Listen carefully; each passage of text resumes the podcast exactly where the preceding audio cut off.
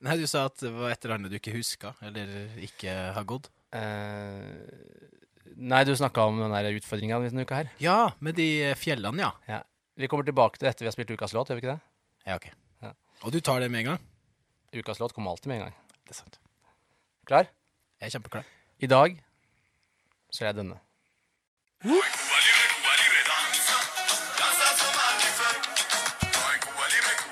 Vi er fortsatt på det der at det egentlig ikke har noen relasjon i det hele tatt.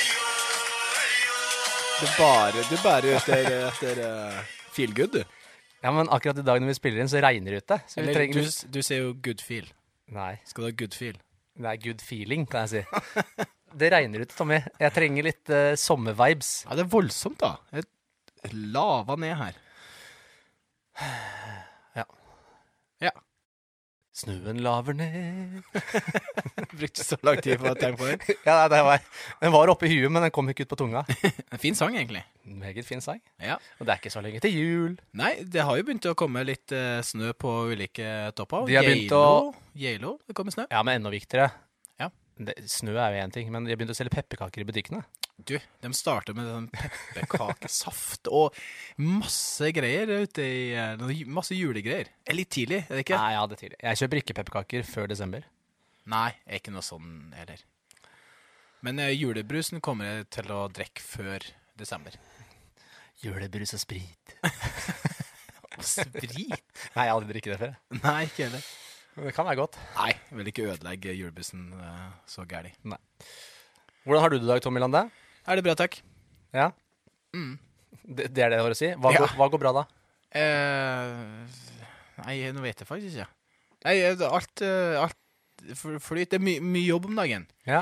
Mye som skjer med enkelte ting, både med, med boksen, og når du får forelesningshelg i helga, som jeg hadde. Og så var det en teoretisk helg med gjengen her i, her i Oslo. Skjelettanatomi og muskelanatomi, som for øvrig er ganske spennende, som jeg syns er kjempeartig. Så jeg, jeg følte jeg hadde litt sånn bedre følelse nå som foreleser denne helga enn jeg hadde sist eh, samling. Ja, Det er bra, for da var du ikke helt 100 happy? Nei, jeg var ikke så 100% happy da. Var litt, eh, var litt mer sliten og følte jeg stokka og litt på ordene og litt sånn. Så jeg følte jeg var litt eh, tilbake in the mojo i, eh, i helga. Ja, det er. Det var digg. Selv, selv de verdens beste vet du, må, må litt nedpå innimellom. Sånn er det. Ja da, men eh, det er jo bra. Nå har jo Oliver begynt å sove litt på natta igjen. Det har vært litt sånn eh, Vi eh, klappa oss sjøl på skuldrene eh, her eh, i et par uker der han bare sov eh, ganske bra fra halv elleve til eh, seks nesten hver natt. Og nå har vi hatt ei uke der det har vært eh, mye greier med utviklingsfase og tenner og fandens gudmor. Så det har vært eh, mye greier. Men sånn er det jo med små unger, har vi forstått. At eh, det, er ikke sånn at vi bare Med en gang vi bare slår oss til ro OK, nå har vi fiksa det. Så er det sånn slag rett i trynet om at eh, OK, ta dere sammen, her er det ikke vits i å hvile på laurbærene, som man sier. Det er sant. Jeg gleder meg til, uh, gleder meg til jeg skal invitere dere på middag sånn rundt leggetider til Oliver. Sånn som dere gjorde med oss og Alva. Gjorde vi det? Ja, ja. Bare ta med Alva, da. Nei, Jo, det Sånn dummeste Sånn jeg sju halv åtte på kvelden tenkte jeg at hvis vi kom på middag på en ukedag. Og så bare Ja, Alva skal legge seg Nei, må være litt fleksibel, da. Må leve livet selv om man får barn. Nei, det har aldri Jo, sagt. Det er det, har du. sjukeste Det jeg har hørt. Nei, nei, nei. nei. Spør Ida. Spør Ida. dummeste. Og så, du, jeg Ja. var jo i, eh, i London på en sånn her Mm. eh, spontantur, eh, og så Bodø-Glimt mot eh, Arsenal på Emirates Stadium. det så jeg visste ikke at du skulle i gang, jeg. Eh, nei. Du har slutta med meldeplikten til meg, skjønner jeg. Ja, har jeg noen gang hatt? Jeg tydeligvis ikke det. Nei, kanskje ikke. Nei, fantastisk. Og for en stemning eh, de her eh, gærne nordlendingene laga på Det var jo holdt av et sånt område med, ved Kings Cross. Det var sånn fire-fem puber. Og så var det jo kjempefint vær. i London Det var 18-19 grader. Digg. Lå til rette for en fantastisk eh, kamp. Og god stemning og masse øl eh, og sang i gaten og sang inne på de ulike pubene. Stappfullt. 4000-5000. Var jo historisk. Det har aldri vært en, en bortekamp i Europa hvor det har vært så mange tilreisende norske supportere. Så det var en fantastisk opplevelse. Og det, det, er jo start, det er jo før kampen at det her er egentlig artig. Eh, Vi var jo på, på stadion halvannen time før, og fikk, fikk med oss oppvarminga, og som, ja, fikk egentlig sånn satt stemninga litt. Jeg tror det gjorde en del med, med spillerne. Eh, Men eh, det viste seg ikke å, å funke så veldig bra. Så det var ikke noe sånn Nå er jo Arsenal et av Europas beste fotballag per dags dato, så det er jo ikke så mye man kan forvente. Men det var ikke så mye sjanser, det var ikke så mye spill. Så det, vi, vi, sto egentlig bare og ja, hoia og heia og laga litt liv, da. Så det var egentlig det. Fy faen. Så kult. Ja, det var artig. Det var For kjempeartig. du ser Ødegaard skåre vel, gjorde han ikke det? Eller husker jeg feil? Nei. Nei. Du ikke ser Ødegaard skåre, da? Det er kult, det òg. Ja.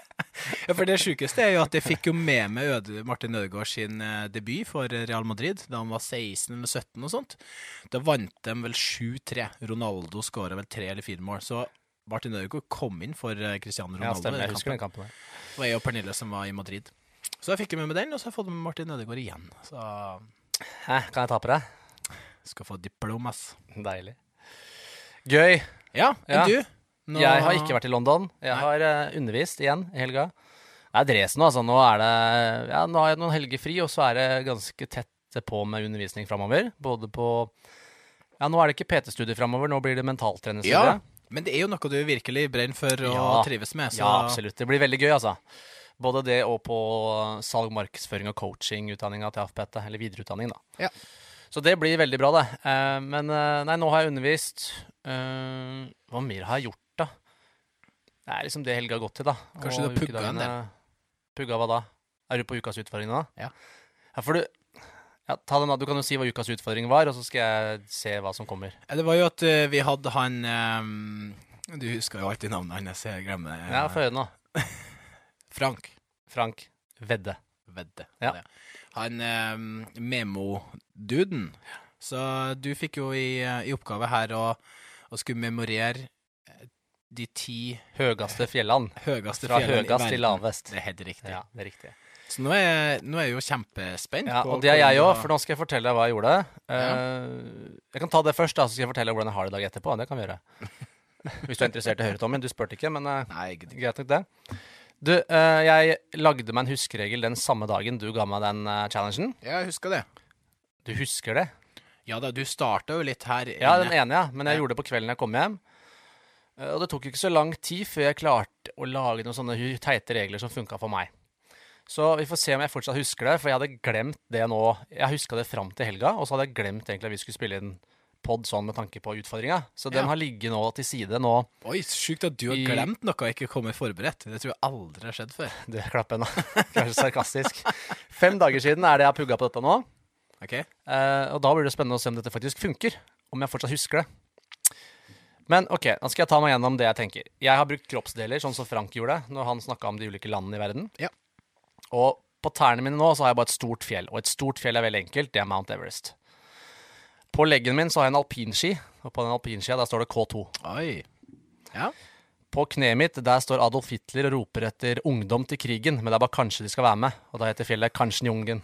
Kanchenjunga heter fjellet. Helt riktig. OK. Ja. Eh, og på hofta mi så driver Lotte og kjører burpees. Og det er Lotse. Lotte kjører Det er jo ikke alt som henger på greip her, men så lenge du, du Det henger ikke på greip for meg, men det sitter. Ja, det I navlen så driver Makelele og spiller ball. Det heter Makalu, det fjellet. Ja, Ja. bra. Og så har jeg to forkjøla øyne til brystvorter. Så- Så den heter Cho Oyu. Eller Oyo. Ja. Og you. To Ja. Oyo, ja. ja riktig. Eh, og så kommer jeg litt høyere opp på brystet her, og der er det eh, Skal vi se Da mener jeg det er eh, Der er det noe brasiliansk jiu-jitsu. Det er en fra Sogndal og en som prater spansk. Han fra Sogndal taper, så han er Dao. Dao Lagiri. For man bruker gi i brasiliansk jiu-jitsu. Så det er Dao Lagiri. Ja. OK. Og så kom vi til nesa, og der har jeg manflu. Mansulu.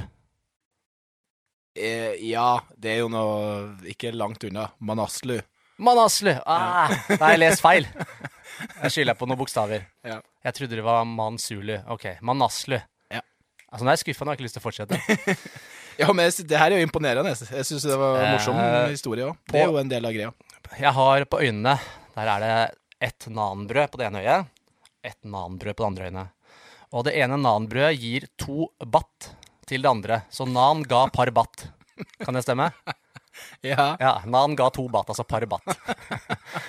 uh, og oppå toppen her nå så har jeg to tidligere kollegaer, Anna og Puru, som spiller tennis. Uh, jeg skal forklare hvorfor jeg husker tennis Anna, og ikke Puru, men Purna. Tennis som i Korun Korunakova, eller hva, heter, hva heter hun tennis? Anna Kornikova. Riktig. ja. Mm. Så Anna Purna. ja, én eller to Hæ? Én eller to Det er jo flere? Det er flere Anna Purna. Det sto ikke noe Ikke på den lista jeg sjekka. Ja, men da har du, da har du en dårlig kilde. Nei, det er én. Det er riktig. Yes! Det var 50 sjanse. Det er jo ganske logisk at eneren er høyest, kanskje. Ja, jeg tenkte det. Det var ikke så verst. Nei, det var creds. Ja, takk. Respect. Det var bare Hva var det du sa? Man... Manaslu. Manaslu, ja. Mm. Nei, Jeg tenkte på Manflu, så ble det Mansulu. Ja. Ja. Manaslu. Nei, men uh, det der er imponerende. ass. Ja, Ja, creds. Jeg, jeg er ganske imponert. Like mye over eh, så det jeg har gjort- kunnskapen din som historien. ja. Så det jeg har gjort, er først lage meg en teit huskeregel. Så hadde jeg som regel at jeg skulle si denne regelen til minimum én PT-kunde hver dag i forrige uke. Ja. Så jeg fikk repetert det hver eneste dag i tillegg. Ja, smart. Så nå sitter dette her, så nå forventer jeg at jeg kommer til å huske det en god stund hvis jeg fortsetter å repetere det. Jeg skal prøve å, skal prøve å huske på den her. Jeg har Ja. òg lyst til å huske på de her eh, til ti eh, Kan ikke du sende hele historien til meg? Jo, det kan jeg gjøre. Ja, takk. Det kan dere. Nei, men eh, helt supert. Bra, Alex. Takk. Takk. Bra. Okay. Og hvis, vi skal snart gå over dagens episode, men siden du spurte hvordan jeg har det Jeg har det jævlig bra, Tommy. Ja, du men, har jeg, det? men jeg våkna opp med tidenes sti på øyet i dag, så det ser litt sånn Ja, jeg spurte her i stad. Det ser litt annerledes ut. Så det kan være jeg får litt trang til å prate som rock i dag. Adrian! du det? Kanskje jeg får litt Slag, eller? ja, slag, slag på øyet, altså. Ja, ja riktig. Nei, skal vi eh, trudelutere og komme til dagens episode, kanskje? Det syns jeg. Dagens tema. Ja. ja.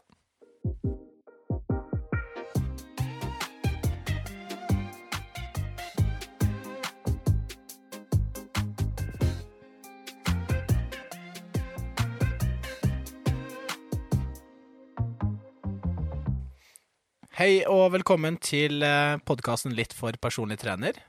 Du hører nå på eh, Alex og Tommy, og i dag så har vi Hvilket tema? Ja, i dag skal vi prate om eh, den lille skjøre ryggen vår. Ryggen. Ryggen. Ryggen. Bakryggen. Ja, nei, vi skal snakke, o- ja, vi skal snakke om ryggen, da, rett og slett. Eh, fordi alle har jo et forhold til rygg. Ja. Og man hører jo mange ting som både foreleser og som PT.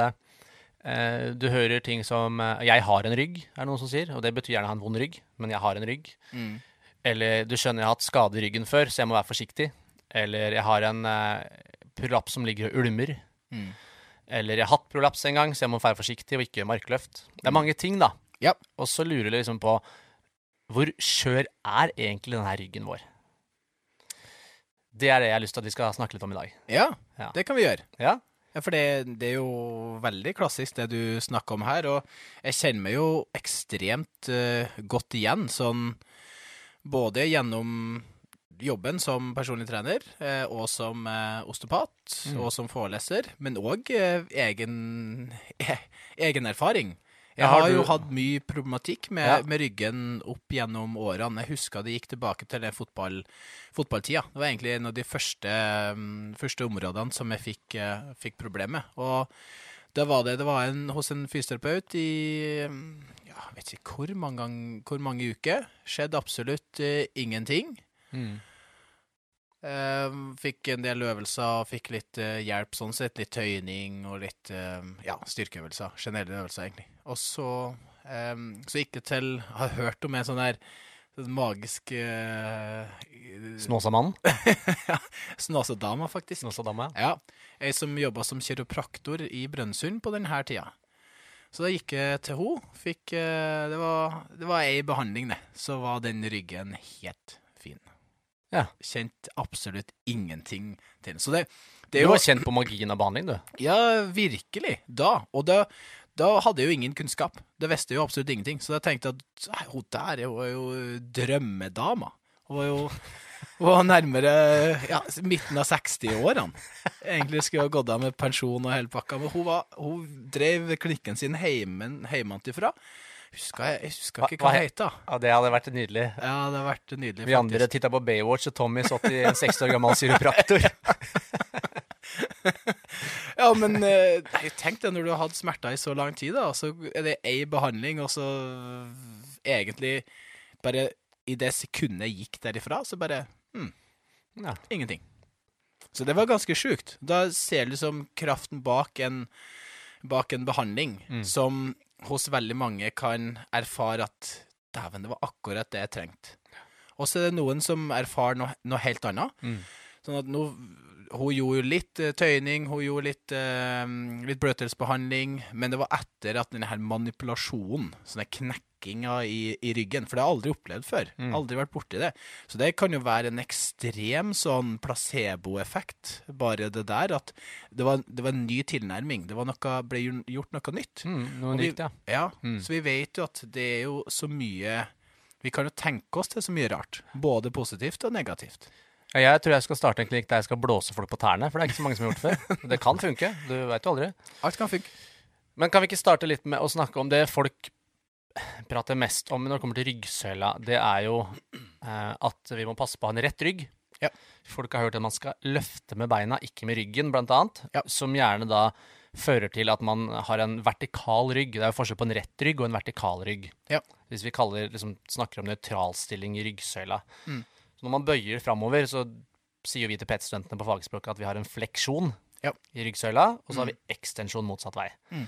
Og fleksjon og bøye fram eh, er jo det mange er redd for, da. Mm. F.eks. i å løfte ting fra bakken i et markløft osv. Ja.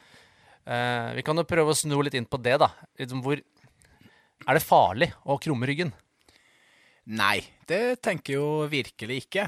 Eh, her er det jo Og det, det eksempelet ser du jo veldig godt hos alt fra strongman-utøvere til folk som kjører Jefferson curl, der, du egentlig, der det om, handler om å skal krumme ryggen mest mulig, og du ser folk løfte 150-200 kilo i, eh, eh, i Jefferson curl, og med over de her atlassteinene og bare krumma seg fast. Så det, det jeg har ikke trua på at uh, krum rygg er noe farlig i det hele tatt. Det, det der handler om tilpasning. Og jeg tror nok de her folkene som gjør det, allerede er ganske sterk i ryggen. Så de har blitt sterk både med rett rygg, men de har òg blitt sterk med, med krumma rygg. Og de har kanskje starta på 30 kilo, så starta på 40 kilo. Så har det bygd seg gradvis opp til den kiloen som de eh, da løfta, sånn at ryggen har tilpassa seg det som du utsetter den for. Og jeg tror, jeg tror det aller meste handler om det. Og så er det det der at når du gjør et markløft, så gjør du et oppspenn for å klare å holde ryggen tilsynelatende rett. Mm. Men uten at du kjenner det, eller at du ser det, så skjer det noen grader av fleksjon uansett. Um, Så det er jo litt forskjell på sånn stor fleksjon og det å skal få bare en liten fleksjon. Og da, da ser man at det er ikke noe farlig eh, med den eh, bevegelsen. Spesielt ikke hvis man ser mot at du løfta med krum rygg, så derfor kommer du til å bli skada. Det skal ganske mye mer til enn det. Det er veldig multifaktorielt. Ja, for det er det her vi hører, ikke sant? Og det er vi hører jo at krum rygg i isolert sett, da, hvis vi tar det, krum rygg er farlig. Jeg sitter jo nå litt sånn henslengt i sofaen her med krum rygg. Ja. Eh, og da kunne man tenkt at Og jeg husker det her var en sånn Jeg husker ikke tidligere, men da var det noen som mente at hvis du satt med krum rygg i pausene når du trente, så var du mer utsatt for skader etterpå. Ja. Eh, jeg sitter med krum rygg nå. Jeg sitter ofte i sofaen med krum rygg når jeg sitter henslengt på fotball. Da har jeg gjerne en krum rygg. Ja. Eh, når jeg står opp på senga om morgenen, da krummer jeg ryggen for å sette meg opp. Mm. Når jeg sitter på do og eh, gjør nummer to, da Eller nummer én for deg, du sitter jo og tisser. Da Gjør ikke du? eh, Nei, det gjør jeg ikke, eh, altså. Jeg, noen sier at det, er- det er grisete at jeg ikke gjør det, men jeg gjør ikke det. Ja, det er ganske grisete. Det må jo ha en avstenging på, folk mener. Ja, det syns Ja. Nei, jeg Kjør har alltid vært vant til å stå. Mm. Men uansett, sitter du på do, så sitter du med en krum i ryggen. Mm. Og så er det som du sier, at du har alltid en bevegelse i ryggsøyla når du gjør markløft. Det samme gjelder jo knebøy. Ja. Det er også man livredd for den derre buttwinken, altså at bekkenet tilter bakover, sånn at Ja. man får en litt sånn Du ser at det blir en liten sånn krum nederst i korsryggen. Ja. Eh, det kan vi prate litt om etter hvert. Altså når er det gunstig å krumme og ikke krumme. Mm. Men det skjer jo alltid. Mm. Og det er jo veldig rart, har jeg tenkt, da. Eh, hvis du hadde gått rundt på savannen, Tommy Nei. Nå er vi der. Here we go. Nei, jeg tenker at det er jo rart hvis vi hadde blitt skapt av Vår Herre med ryggvirvler. Jeg tenker jo at hvis ryggen skulle vært rett til enhver tid, så hadde vi hatt ett bein. Ja, så Som i lårbeinet, liksom. Ja. Ja. Det må jo være meninga at vi skal bevege, i og med at det er skapt det er sånn som det skal beveges. Og korsryggen vår er vel skapt for mye bevegelse, ikke sant? Mye Masse. fleksjon og mye ekstensjon. Altså Masse. bøy og strekk. Ja, og så er det jo mye støtbelastninger og støtsabsorbering som skjer eh, i løpet av Så det er jo derfor at ryggvirvlene nede i eh, korsryggen, så lumbaldelen av, eh, av ryggen vår, det er jo mye større, mye kraftigere når man ser på, eh, på korpusen, så kroppen til virvlene. Så de skal tåle ganske mye juling, og de, de gjør det. Absolutt. Ja, de gjør det. Så hvis vi etablerer av at alle krummer ryggen, krum isolert sett ikke er farlig, så kan vi jo begynne å snakke om det å Forskjellen kanskje på å øh, krumme ryggen i hverdagen når vi beveger oss, og dra det inn i treningssetting, da. Ja. Nå har vi jo da etablert at alle har en liten bevegelse både i markløft, selv om det ikke ser sånn ut på det blotte øyet. Selv de som er best på spenn-opp, har vel litt bevegelse i ryggen. Ja. Og samme gjelder knebøy. Ja. Um, og så snakka du om Jefferson curl, som blir helt andre enden av skalaen, hvor konseptet eller hensikten med øvelsen er å flektere, altså krumme ryggen, så mye som overhodet mulig. Ja. Eh, du sa strongman-utøvere atlastegner tungt, og at de har tilpassa over tid. Og det er vel kanskje det som er nøkkelen, da? Ja, jeg har eh, definitivt uh, trua på det. At eh, jevn belastning og liksom At du belaster med noe nytt, og så uh, restituer. Belaster med noe nytt, restituer. Og det, det er jo sånn vi gjør når vi skal bli sterkere, og når vi skal tilvenne oss eh, noe nytt. Mm. Men hvorfor er det sånn da, i treninga? Du har jo kommet fra den skolen tidligere, jeg også. Hvorfor er det sånn at du og jeg gikk, bort gikk rundt og lærte alle andre at husk, vi skal ha rett rygg til enhver tid, vi skal løfte med rett rygg, mm. vi skal unngå krum i ryggen. Mm. Dette var i hvert fall ting jeg sa Ja. for mange år tilbake. Sikkert du sagt òg. Ja da, man gjør jo fortsatt det òg. At man eh, ønsker å legge til rette for en hensiktsmessig teknikk. Og vi kan ikke bare se på teknikk når vi ser mot skader, men det er jo multifaktorielt, så teknikk har jo en liten del i hele greia. Så hvis vi da ser på hvorfor man kan få en skade, så kan det jo være ulike eh, indre faktorer. Eh, og så kan det være en del ytre faktorer. Indre faktorer er jo f.eks. muskelubalanser, det kan være asymmetrier, det kan være at du har litt instabilitet i et ledd, f.eks. Og det her er de indre faktorene. Det er sånne faktorer som du kanskje ikke får gjort så mye med. Men sorry, jeg må Eh, bare avbryte deg og arrestere deg litt. Du snakka nå om ubalanser Mm. og asymmetri. Jeg mener å huske at når vi prata om treningsfeil, så sa du at folk bryr seg for mye om det. Ja, ja, ja, men det er de indre faktorene. Ja. Så det er jo ingenting som kan forklare mot eh, så grunnen til at man får smerter. For at vi har jo en eh, Du vi snakker ikke om styrkeforskjeller og sånne ting nå? Nei, nei, nei. nei. Så vi, vi har jo veldig forskjellige kropper. Er. Så, og så har har du de ytre faktorene, som er liksom ensidig belastning, som er for lite restitusjon, for høy eh, For høy belastning. ja. Eh, dårlig søvn, dårlig kosthold. som Stress. De, ja, stress. Mm. Alle de ytre faktorene som vi egentlig kan håndtere. Så når at vi da håndterer de ytre faktorene ganske dårlig, eller mindre optimalt, Mm. så vil de indre faktorene kanskje ha litt mer å si til slutt. Så det er jo én ting, sånn at man ser på det. Og så er det jo ofte det her too much, too fast, too soon, too often with too little rest. Det er jo det som ofte skjer når man snakker om belastningsskader. Og det er jo sjelden at du får noe sånn type Ja, det kan kjennes ut som du får en akutt skade, for at det kommer såpass momentant. Eh, men det her er jo ofte over litt lengre tid. Jeg tipper vi kanskje skal snakke litt om, eh, om prolaps etterpå. Eh, men det er jo noe som oppleves ganske akutt, men som kommer over lengre tid. Um, uh, ja, og grunnene til det kan vi ta etterpå. Men du snakka jo litt om det her. Grunnen til at man ønsker å holde et så godt oppspenn som mulig eh, gjennom ryggen, det er jo fordi at du ønsker å belaste de musklene du egentlig skal gjøre i øvelsen, som gjør at eh, programdesignmessig og eh, egentlig treningsplanlegging videre blir lettere. Fordi at da vet du at du angriper de musklene, du får det volumet du ønsker på de musklene som du skal ha. Kontra da at hvis at du begynner å endre på teknikk, så begynner du å få belastning andre plasser enn det du egentlig har planlagt. Og kanskje du har da mange sett og høyt volum på, eh, på ryggen på første, eller på um, første økt, eh, og så har du det kanskje på økt to igjen. Og så skulle du egentlig ikke hatt det dag tre. Men så ble det det, for at teknikken ikke var, eh, var så optimal som du egentlig skulle ønska. Så da får du ikke restituert det godt nok eh, imellom. Og da kommer jo det her greiene med teknikk. Når at du egentlig skal belaste noen muskler, men så Belaster du noe annet, ja. Ja. ja. Og så er det noe med Hvis vi, hvis vi sier at i knebøy, ta det som eksempel, da, eller markløft, eh, så ønsker man jo å få strekk på bl.a. hofteekstensorene, altså muskler som strekker ut i hofta. Ja. Det er rumpemuskulaturen, og så er det bl.a. muskler som sitter på innsiden av lysken, da. Adductor Magnus. Riktig. Mm. Godt, Tommy. Bra jobba. Ja, men vi, vi må tørre å si litt Ja, vi må gjøre det. Det må vi gjøre. Absolutt. bare Det er masse dyktige folk som hører på oss. Veldig mange. Jeg er helt enig. Eh, adductor magnus, gluteus maximus blant annet, altså setemuskulatur og lysk, Ja. som strekker ut i hofta. Og når vi eh, bøyer tilter bekkenet veldig mye bakover, så vil vi jo i utgangspunktet få mindre strekk på de musklene i bunnposisjon. Mm. Og for at de musklene skal være mest mulig involvert og på en måte kunne yte mest mulig og få best mulig treningseffekt, Mm. så ønsker vi å strekke de mest mulig. Og da er det mer hensiktsmessig å opprettholde, kall det en liten svai eller nøytral posisjon i ryggen, så man strekker de mer. Mm. Så da er vi inne på det du sier, at du får jo dårligere teknikk og mindre optimalt utbytte på øvelsen Mm. ved at du da kanskje krummer ryggen i en knebø eller markløft. Absolutt. Så har du det der at det, det er mange som er litt redd for å skal kjenne det i ryggen når du gjør markløft. Men jeg vil si at det er jo det er jo egentlig et godt tegn at du kjenner det i ryggen når du gjør markløft, fordi at du jobber med den lange ryggsekken, så er rektor spina, som går helt nede fra kors, korsbeinet, helt nederst i ryggen og helt opp til nakken, ved å da skal klare å holde den her rette posisjonen. For det er den muskelen som gjør at du unngår å krumme i ryggen.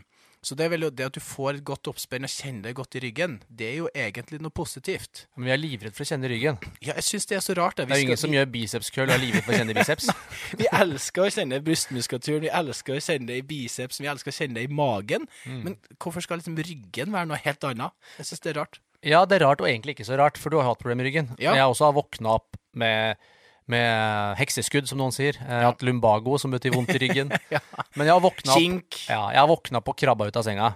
Ja. Jeg har opplevd det. Og det er klart, du blir veldig Var. eh, Du blir var, og du blir veldig handikappa når Ja. Mm. ryggen er ute av spill. Mm. når du har vondt i ryggen, så er det veldig Påvirker lite som, som funker. Ja. Og derfor er man ekstra var. Det er ikke så ille om du får litt vondt i en ene arm. Nei. Det er ikke så krise. Så både Nei, øh... nakke og rygg blir man veldig sånn. Mm. Og det samme gjelder har man kjørt da markløft. Så ah, jeg fikk litt vondt i ryggen etter forrige økt. Fikk du vondt i ryggen, eller er du støl? Mm. Ikke sant? For stølhet kan også være smertefullt. Ja, så, så def, definitivt. Og det, det er jo det det er jo det vi må tenke litt på når vi kommer til programdesign og treningsplanlegging. Det finnes jo veldig mange øvelser, sånn som du snakka om, om nå. Det at du ønsker å belaste eh, gluteus og setemuskulatur, bakside lår og adductor magnus, innside lår. Eh, Det finnes mange øvelser hvor du kan belaste de uten at du nødvendigvis har så stor belastning på ryggen. Så Vil du gi noen eksempler på det? Ja, du har type hip trust, glute bridge um, Ettbeinsøvelser, utfallsvarianter. Ettbeinsøvelser. Kjempebra. Så nå tenker vi, hvis man både tenker litt sånn skjæringskrefter og kompresjonskrefter uh, så Skal vi si noe om hva det er, eller? Når du sier skjæringskrefter, hva vil du si det er? Du kan gjerne si det. Altså Kompresjon handler jo mer om kreftene rett på. Gjennom Altså. Hvis du gjør en eh, knebøy, da, så har Ja. du jo vektstanga opp på ryggsøyla, Ja. og så har du kompresjonskrefter rett ned. Ja. Og så vil du ha mer skjæringskrefter når du har belastning på tvers, sånn som i en markløft, på en måte. Riktig. Når du står og prøver å opprettholde ryggen rett. Ja. Og det er jo der man Det er jo det som uh, man ser eh, de som allerede har fått litt vondt i ryggen, men som likevel har lyst til å trene. Fordi det er jo så viktig å, å, å, em, em, å prøve å holde i gang kroppen. Få sirkulasjon, og ikke minst for det, det psykiske, det mentale. Det at du faktisk føler at kroppen er litt mer robust enn den egentlig er. Så man Så kjenner man kanskje at markløft gjør litt vondt. Og så må man uh, ta i bruk sånn. Skal man bruke et lite sånn hierarki der man ser på OK, det som du snakker om nå, med skjæringskrefter og kompresjonskrefter, at man tar litt roligere, at man starter med mindre vekt i stedet for uh, høy belastning. At man uh, starter kanskje med øvelser som utfordrer balansen mer enn faktisk bevegeligheten. Eh, så kanskje en ettbens markløft i stedet for en vanlig markløft. Det gjør òg at belastninga går litt ned. Så det er jo en fin eh, måte å gjøre det på. Eh, man, man kan jo òg bruke type hip trust, glute bridge-varianter. Noen steder har man jo type belt squat, altså hvor man har belte man fester ved hofta, så du ikke får trykket på ryggsøyla, f.eks. Ja. Ut, og en sånn, sånn hierarki, det kunne jo vært da, hvis man tenker litt på skjæringskrefter og kompresjonskrefter, at man starter med utfall bakover, for da er jo overkroppen ganske oppreist. Så Kan være, det ikke- bestemmer du jo selv. Ja, men Ja. vanligvis Ja, så kjører du den ganske oppreist. Så utfall bakover, og så kan du jo da eh, ta f.eks. en frontbøy, eller da en goblet squat, for da har du jo vekta foran. Mm. Så på den måten så får du ikke de her kompresjonskreftene. Så får du kettlebellen ganske tett inn til kroppen, så føler at du er stabil og har god kontroll. Og så kan du etter hvert ta stanga bak, eh, og etter hvert der igjen så kan det da være en sumo-markløft, da er du litt mer oppreist. Og så har du da en vanlig markløft, og så til slutt så har du en strak markløft. Hvor man da ser på de skjæringskreftene eh, til da ryggen. Mm. Så at man jobber seg gjennom de her øvelsene. OK, tikka av den. OK, den kjentes bra ut. OK, Mm. da kan du gå videre til neste øvelse. Som, og kjennes den bra ut, så går du videre til neste igjen. Mm. Det er gode poenger, Tommy. Uh, du snakka jo litt om det i starten, egentlig, da, det her med tilpasning. For nå sier vi jo at i visse øvelser så er det jo hensiktsmessig å, å egentlig prøve å unngå for mye fleksjon av ryggsøyla. Det samme vil jo gjelde i en del idrettsprestasjoner der det vil være bevegelse, men for mye. Altså hvis du ser en eh, sprinter Hvis du har sett en sprinter løpe som Phoebe i Friends, altså med veldig mye Hender og hender og bevegelse av ryggsøyla til enhver tid, så vil det være mye mindre effektiv kraftoverføring. Ja. Så det kan jo være i henhold til hva man ønsker å få ut av det man gjør. Mm. Eh, men når kan det eventuelt være hensiktsmessig å krumme ryggen? skal vi, skal vi, og skal vi trene på det? Det syns jeg virkelig. Ja. De aller fleste gjøremålene du har i løpet av dagen, det er veldig sjelden at vi gidder å ta oss tida til å OK, brace, opp med brystet, få en rett holdning, og så gå ned og så plukke opp denne her vaskemaskina eller et eller annet som du skal Eller sokken, for den Eller saks skyld. sokken, eller penna. Så på den måten så er det viktig at du, du trener det mot de, de bevegelsene som du gjør i hverdagen. Så det er egentlig hva jeg kaller i hermetegn det her med funksjonell trening. Kan jo skyte meg at det er mest Ida som går og plukker sokker hjemme hos oss. Altså. Så jeg skal Ja, ikke si at jeg gjør det så mye. Plukka så mye fra bakken. Er det du som slenger meg fra det? Det kan være. Og Alva. Alva. Alva. Ja. Fy faen, to kids er hjemme. Det er Det er kjipt for Ida. Nei, men eh, vi, vi må absolutt trene litt med, med krum rygg òg, da. Men det, det er jo litt forskjell på hva kroppen eller ryggen kan tåle, spesielt i starten. Mm. Eh, så der du, der du klarer å Og ofte så sier man òg at hvis du klarer å ivareta den posisjonen som du har fra starten av løftet, så vil jo det være en, en bra ting. Sånn at du Hvis at du For noen har jo litt sånn krumma korsrygg, sånn at det ser ut som at den er litt mer krumma fra starten, men hvis du klarer å ivareta den, så er jo det egentlig et Men da er du inne på å prøve å holde den rett igjen. Jeg tenker på når kan det Altså, bør vi trene på det å, å bøye og strekke ryggen? Ja. Fordi altså, før så var jo rygghev det er også på ryggheveapparat, Ja. hvor du jobber med egentlig å strekke ut ryggsøyla og krumme ryggsøyla. Det var veldig populær. Mm. Og så, i hvert fall i min bok, så blei jo den uh, dårlig en periode der. Man skal gjøre den bare med rett rygg, fordi at man skal unngå den bevegelsen. Ja. Men uh, det kan jo kanskje være gunstig å, å være litt sterk i de posisjonene også, i og med at vi gjør det i hverdagen. Helt enig. Eller eventuelt Det fins jo idretter som setter store krav til dette her. Mm. Eh, du har jo Nå er vi, er vi viss. Ja, Strongman, du nevnte. Og AFPT er jo litt inne med brytelandslaget. Mm. Altså bryting. Der er det mye krumming og rotasjoner og mye som ikke burde vært bra. Altså Ja. sånn, egentlig. Ja, de har jo trent seg Eh. ekstremt gjennomsyra sterkt. Ja, det er helt sjukt. Olaf Tufte, altså roerne, de krummer ryggen støtt og stadig. Masse. Benjamin i AFPT sitter på den sykkelen og tråkker. ja. Han, altså, syklister sitter med krum rygg over lang tid. Ja, ja, ja. Så det er jo visse idretter der du kanskje har krav om det. Og da er jo alltid spørsmålet skal de trenes opp til å bli enda sterkere i posisjonene med annen trening, eller holder de idretten i seg selv? Altså hva Nei, jeg tenker både òg, jeg. Ja. Ja takk, begge deler. Ja. Og um, ja, definitivt. Nå kom jeg på For det her, det her, Tommy, det her var syndene over alle synder for ja, la oss si tolv år siden, da. Kanskje litt lenger, men, men den epoken der. Ja. Eh, hør nå. Er du klar? Nå er jeg spent. Fleksjon, altså krum, med rotasjon. Ja. Og jeg lurer på hvor mange jeg fortalte kunder hvor farlig dette var. Fordi det var farlig. Og det sa Stuart McGill, Ja. en kanadisk ryggforsker som forska veldig mye på ryggsøyle. En del på døde griser og litt på mennesker. Veldig ofte på griser. Ja, litt på mennesker, men litt døde griser. Og det å flektere, altså bøye samtidig som vi roterer, det Mm. viste seg å skulle være veldig farlig. Og da husker jeg snakka om dette, og da husker jeg viste til folk Hva gjør du når du rydder ut oppvaskmaskinen? Jo, da står du her, og så bøyer du deg ned. Så krummer du ryggen, og så roterer du. Og når du da skal opp igjen Det er ikke rart du får prolaps. vet du. altså, det var, det var en logisk forklaring i min bok. Ja, ja, så absolutt. Det var jo det vi var tillært til for mange år tilbake med Stuart McGill, og du har jo fortsatt folk som, som tror at ryggen er ganske mye mer skjør enn den egentlig er. Ehm, og jeg skjønner det jo på en eller annen måte, fordi det er jo rygg. Ryggsmerter generelt er jo det som er mest vanlig, Mm. både i Norge og i verden. som Men bare for å avklare, Så det å skulle flektere og rotere er Ja. ikke i seg selv noe farlig. Nei da, det er ikke det. Så det er jo sjølve Der må vi òg snakke om litt sånne skjæringskreftene og, og sånt, Ja, og fordi- tilpasning. Ja, for jeg lurer på sånn Hvis vi skulle tenkt hva ryggen tåler Nå er det ikke sikkert vi har et 100 godt nok svar på det ennå. Men kan vi på en måte svart-hvitt si at ryggen tåler mer i en nøytral posisjon enn den gjør i en flektert, rotert posisjon, eller vet vi ikke det? Jeg tror det er litt vanskelig å si. Definitivt. Men eh, ja, den vil, jo, den vil jo det. Men det kommer helt an på hva du er vant til. Det er jo klassisk nå når den første snøen kommer, og når folk skal ut med måkesnø, Ja. da har du jo fleksjon og rotasjon. Og det er ganske mange som kommer til en eller annen behandler da med litt vondt i, Ja, Da skylder man jo på bevegelsen i seg, og ikke mengden. Ja, det er Og at de er utrente. Ja, så det er jo mengden, det er jo doseringa, det er jo den vi må tenke på. Fordi at den der belastninga har du nå ikke gjort på kanskje ni-ti måneder. Akkurat den bevegelsen med den belastninga. Mm. Og selvfølgelig sier kroppen ifra, fordi at det her er noe som er ukjent. Så hvis det går forbi, så beyond det ukjente, um, så klarer vi ikke helt å tilpasse oss den belastninga, fordi at det, det blir for mye til slutt.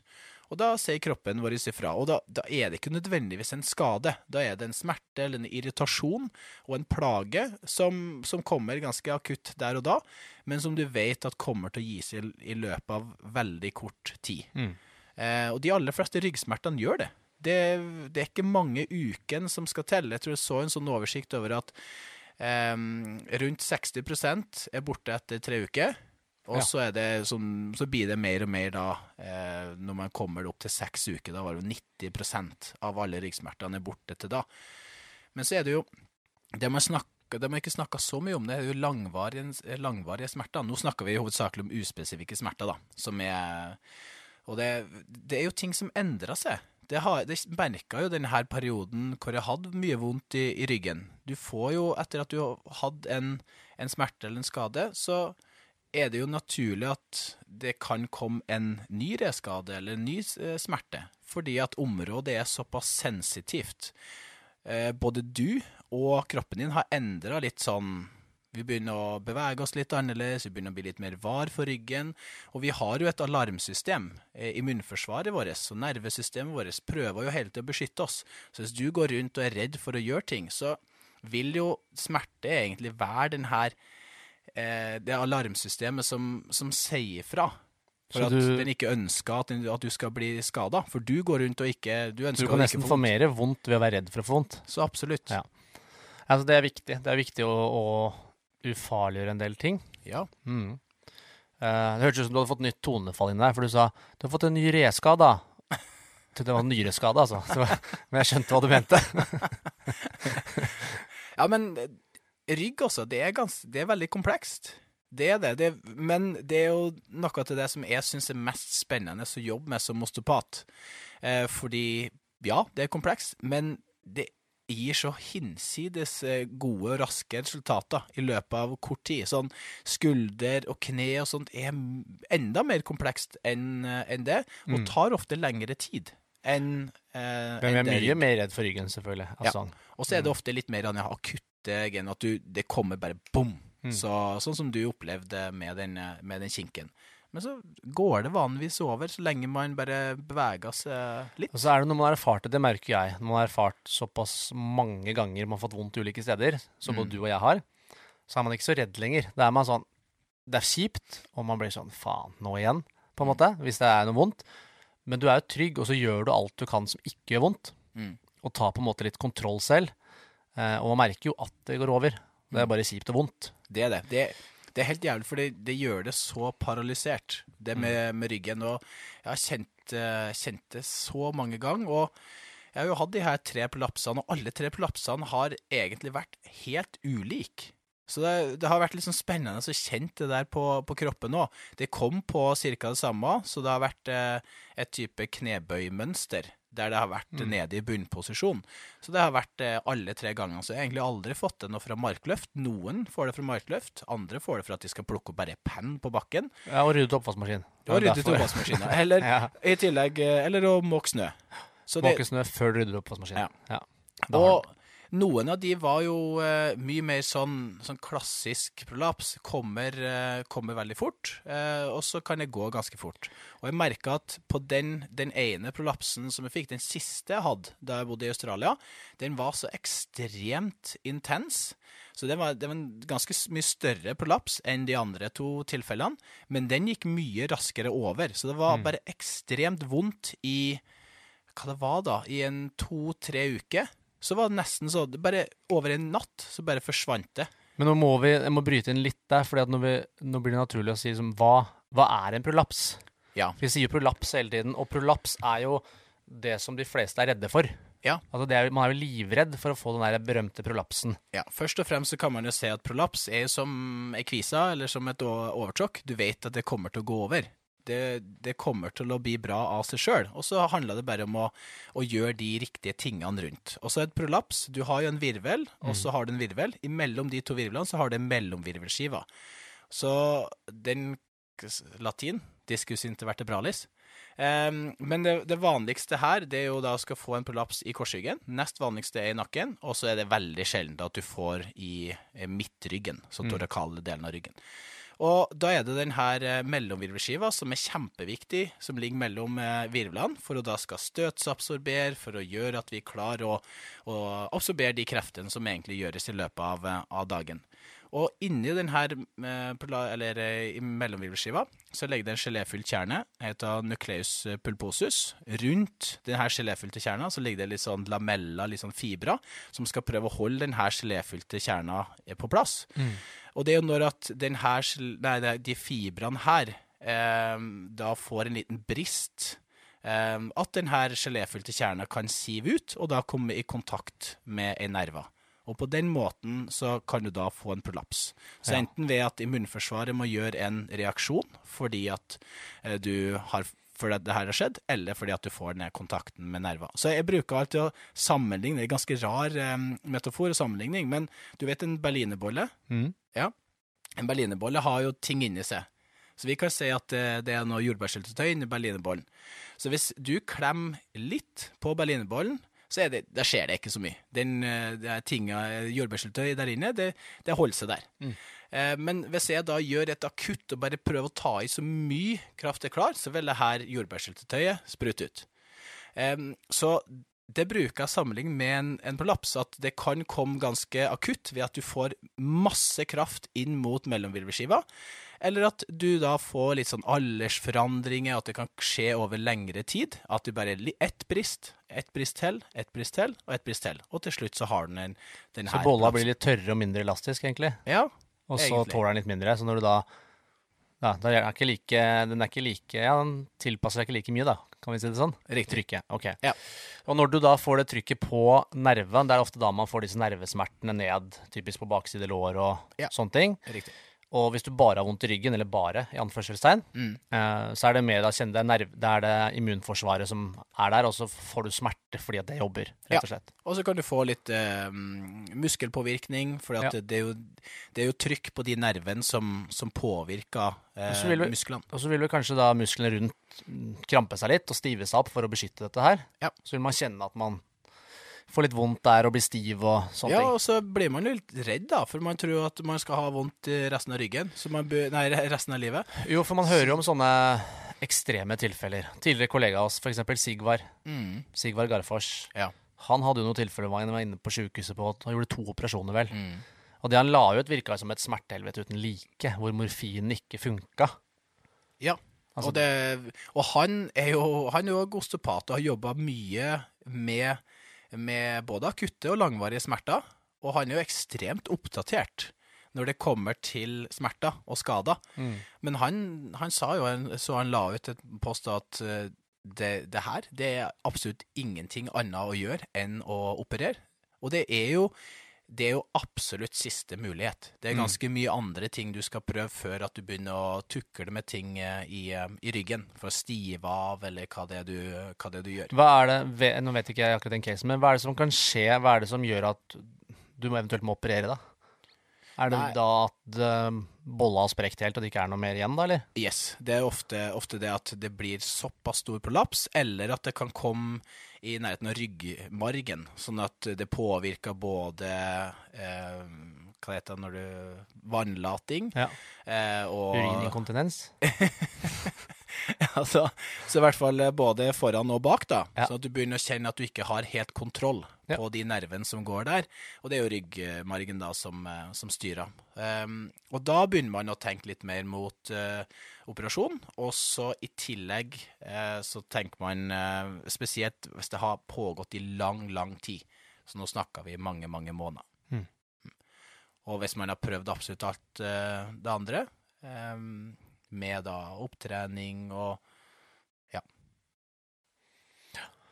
Skjønner. For det er jo det skrekkscenarioet folk er redd for. Men det er det man tenker med prolaps. Men hvor vanlig er prolaps da, i ryggen? Er det sånn at uh, altså, Jeg mener du har hørt Nå skal du få arrestere meg. Jeg mener du har hørt at ganske mange At det er veldig mange som har prolaps uten å ha smerter. Ja. Uten å vite om det. Så de går rundt med en litt sånn De går og lekker litt jordbærsyltetøy og berlinerbolle. Det er litt sånn kjipt, da. Jeg vil gjerne ha alt syltetøyet.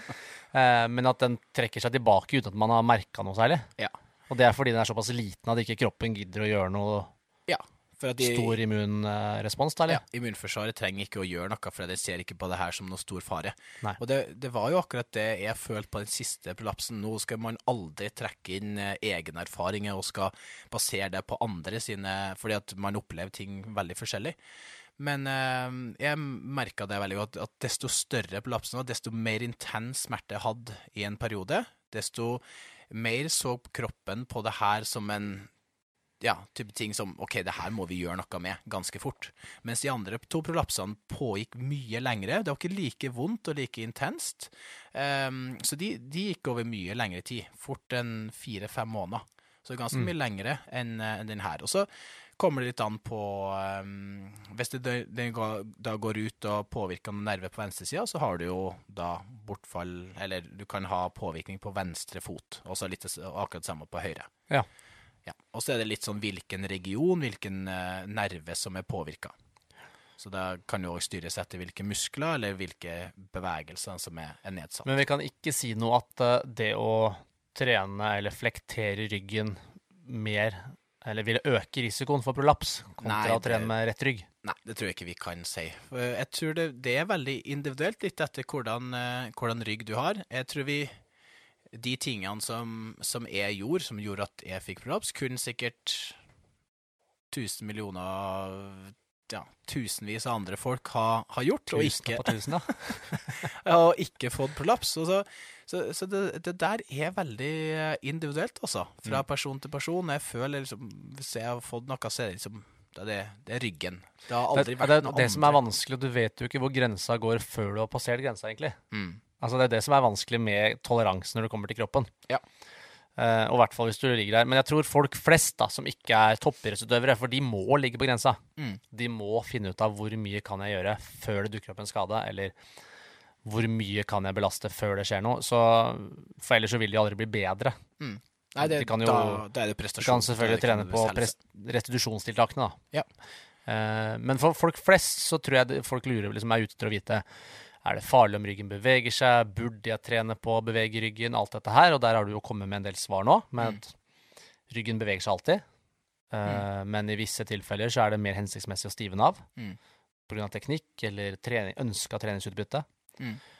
Uh, og at det kanskje også kan være fint å jobbe med faktisk bevegelse i ryggen. Og her kommer det an på belastning. Så katt-ku for eksempel har jo vært en populær øvelse, at man står og bare svaier og krummer, og det er ikke sånn at folk er livredde for det. Mm.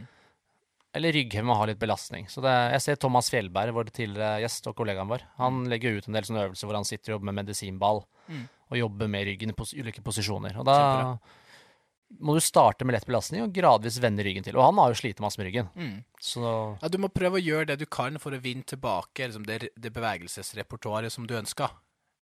Og det er jo det han, han ønsker. Han ønsker jo å trene ryggen i ulike posisjoner, for at han vet at det er det den det som kreves når han skal tilbake til vektløftinga si. Mm. Fordi at det er såpass mye som skjer i løpet av kort tid, det er tung belastning. Sånn at ryggen klarer å håndtere hvis at han blir litt skjev, at han tar ett steg ut med høyre fot f.eks., eller bak med venstre fot. Fordi For- du får så stor påvirkning Og det er jo en ting da, som er kanskje viktig å tenke på innimellom, at hvis du alltid skal prøve å trene i et optimalt miljø, Mm. kanskje særlig hvis du driver med idrett, Mm. Eh, hva skjer når du da kommer ut av det optimale miljøet? Hva skjer hvis kroppen er en litt annen posisjon enn hva du hele tiden prøver å terpe og trene til? Mm. Så én ting er å drille nervesystemet til en teknikk som Mm. er mest mulig optimal. Så kan det være fint innimellom å bevege seg litt utafor for å ha litt tåleevne der.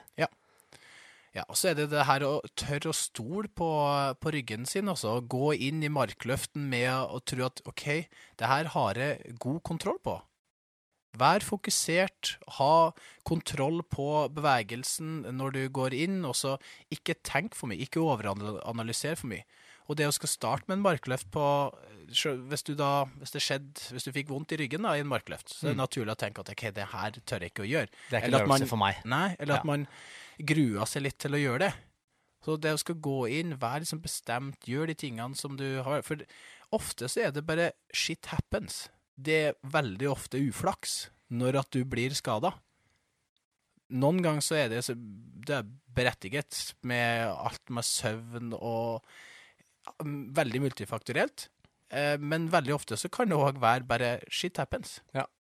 Nei, det er viktig, og det er jo paradokset er at veldig ofte de som er redde for markløft, er jo kanskje de som burde gjøre litt markløft for å trene opp igjen. Og det er jo spørsmålet jeg stiller til de jeg trener. Ja. Tenker du nå at du aldri skal plukke opp noe fra bakken igjen resten av ditt liv? Mm. Nei, selvfølgelig ikke. Ok, Men da kan det være fint at vi ruster ryggen og kroppen for det, selv om du nå har hatt vondt i ryggen. Men da må vi starte pent og øke toleransen, sånn at kroppen og systemet skjønner at dette er ikke farlig. Eh, dette kan vi gjøre uten at vi setter på alarmen, Mm. dvs. Si uten at vi får smerte. Mm. Og så øker vi belastning gradvis. Kjempebra. Så det, det er jo det det handler om. Det handler om treningsplanlegging, det handler om intensitetsstyring, eh, det handler om personen som utfører, og så er det shit happens. Det er ekstremt mul- multifaktorielt. Dagens take av message er 'shit happens', and then you die. Det er kjipt. Men altså, hva kan man gjøre da for å forebygge litt eh, mot at sånne ting eh, skal skje? Og det er ikke nødvendigvis det her med at du skal ha helt perfekt teknikk, eller alt skal liksom ligge til rette, alt skal være optimalt. Men det å skal eh, kartlegge og avdekke, avdekke behov, det er jo viktig. Eh, og så er det jo det å skal dosere mengden aktivitet og, og trening da etter toleranse og forutsetning-nivå. Ehm, ja, tilpass øvelser etter eh, nivå og målsetning, og så legge til rette for en hensiktsmessig eh, progresjon, variasjon og restitusjon. Vi har jo snakka om eh, treningsprinsipper. Ja, og kanskje, og kanskje ref det vi snakka om på, på treningsfeil, eller sånn det å ikke la ego styre. Altså, Yes. Noen kjenner for mye, mens andre ganger så ikke vær redd for å på en måte kjenne at ok, kanskje ikke i dag var dagen for å løfte kjempetungt. Hvis du Mm. kjenner at det er litt ubehag, eller ja, men kanskje du skal gjøre noe annet for å trene de musklene den dagen. Kanskje rygg, ryggsøyla eller ryggstrekkerne trenger litt hvile. Du får noen ganger litt signaler fra kroppen også. Definitivt. Uh, og da er det sånn noen ganger man da tar ego litt overhånd, og så skal man jo skal i hvert fall skal pushe gjennom, jeg skal vise kroppen min. Ja. Liksom straffer seg sjøl litt, da. Mm. Uh, og da får man gjerne svi. Nei, det, det er veldig viktig å lytte, lytte til kroppens eh, signaler. Og tenk litt på hvordan har ting vært i det siste? Hvordan har humøret vært? Hvordan har energien vært?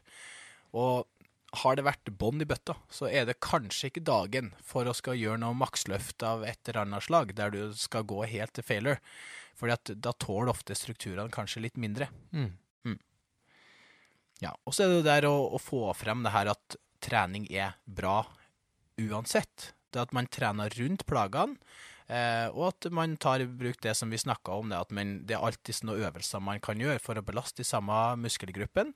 Det med at man eh, velger kanskje stabilitetsøvelser som gjør at du får fortsatt en god belastning på muskulaturen, men da med mindre vekt, eh, eksempel. Mm.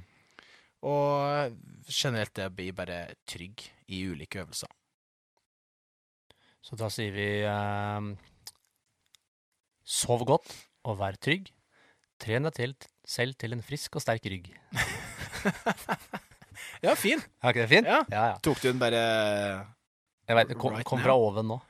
Fra oven. Ja. Fra snø, lava ned med snøen. Snåsadama som kom her. Hun på 60 som kom. Gikk igjen i rommet her. Hun lever sikkert ikke i dag, hun. Så. Jo, kanskje. Kanskje. Jeg er litt usikker. Kanskje jeg må sjekke opp det. Snåsa-folk, de lever evig. Det er ganske sikker på. Ja, Snåsamann og sånn. Han levde jo ikke evig, han. Han, han er, han lever. Tro meg, han lever. Du har den på Kjenner varmen. Det må vi snakke om en gang. Kan ikke vi ta inn en sånn um, som prater med Jeg skulle egentlig hatt, hatt inn Märtha Louise en gang. Prata om engler. Ja. Men jeg vil gjerne Ja, jeg har hatt en som kan vise meg hvordan jeg skal snakke med folk jeg ikke ser. Altså, jeg må jo bli mottakelig for det, men det har vært spennende. Du snakka jo mye med det sjøl. Så kanskje det er fint å få prate Ja, og noen jeg ser jo ikke meg sjøl, det er riktig. Ja. Man ser jo ikke Har du noen gang sett hjernen din, for eksempel? Nei. Eller har du sett sjela di? Alle sier at du er en sjel. Jeg har ikke sett min egen sjel, jeg. Nei. Du kan ikke um, Du kan ikke se min hjerne heller, da. Det kan jeg få til hvis, det, hvis jeg vil. Altså, jeg, du kommer aldri til å se en egen, men jeg kan se din. Jeg trenger bare sprette den opp. Jeg må ta livet av deg, rett og slett. Men eh, Ja. jeg kan se den. Jeg tror ikke du trenger å ta livet av meg. Ikke? Skallen. Open brain surgery. Ja. Ja. ja. Nei, jeg tror ikke vi skal gjøre det. Nei. Det har vært litt dypt på slutten her. Ikke så dypt, da, men man må ha lov å filosofere litt. Ja da. Vi har gjort litt for lite av det, syns jeg. Kanskje vi skal ha filosofi på den? Å, fy. Har ikke det fint? Ja, da ramler jeg ut med en gang. Nei, jeg syns det kan være litt gøy.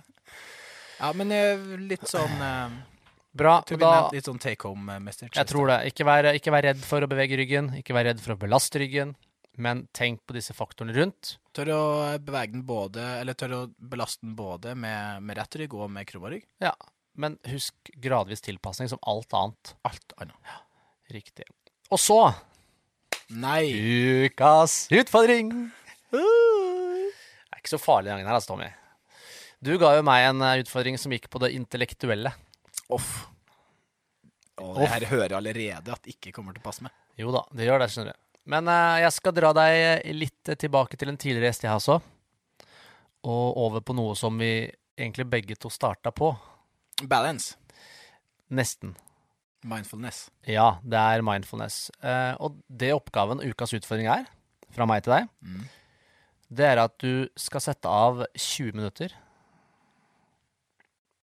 Altså en bolk på 20 minutter, det er jo lenge 20 minutter er ganske lenge, ja. Ja. Eh, men hør nå. Du skal ikke bruke en app. Du skal Nei. sette av 20 minutter I mitt eget hode. yes, uten telefon, uten noe eksterne forstyrrelser. Om du gjør det i bilen og bare sitter og titter ut, eller om du går ut, eller hva du gjør, eller om du sitter på do. Ja. På do, ja. Du kan få sitte på do, altså du kan være hvor du vil, men så lenge du er uforstyrra. ja igjen- må jeg lukke igjen øynene og get into the brain? Ja, du skal få lov å sitte med luk øynene lukka. Skal jeg kjenne på sjela mi?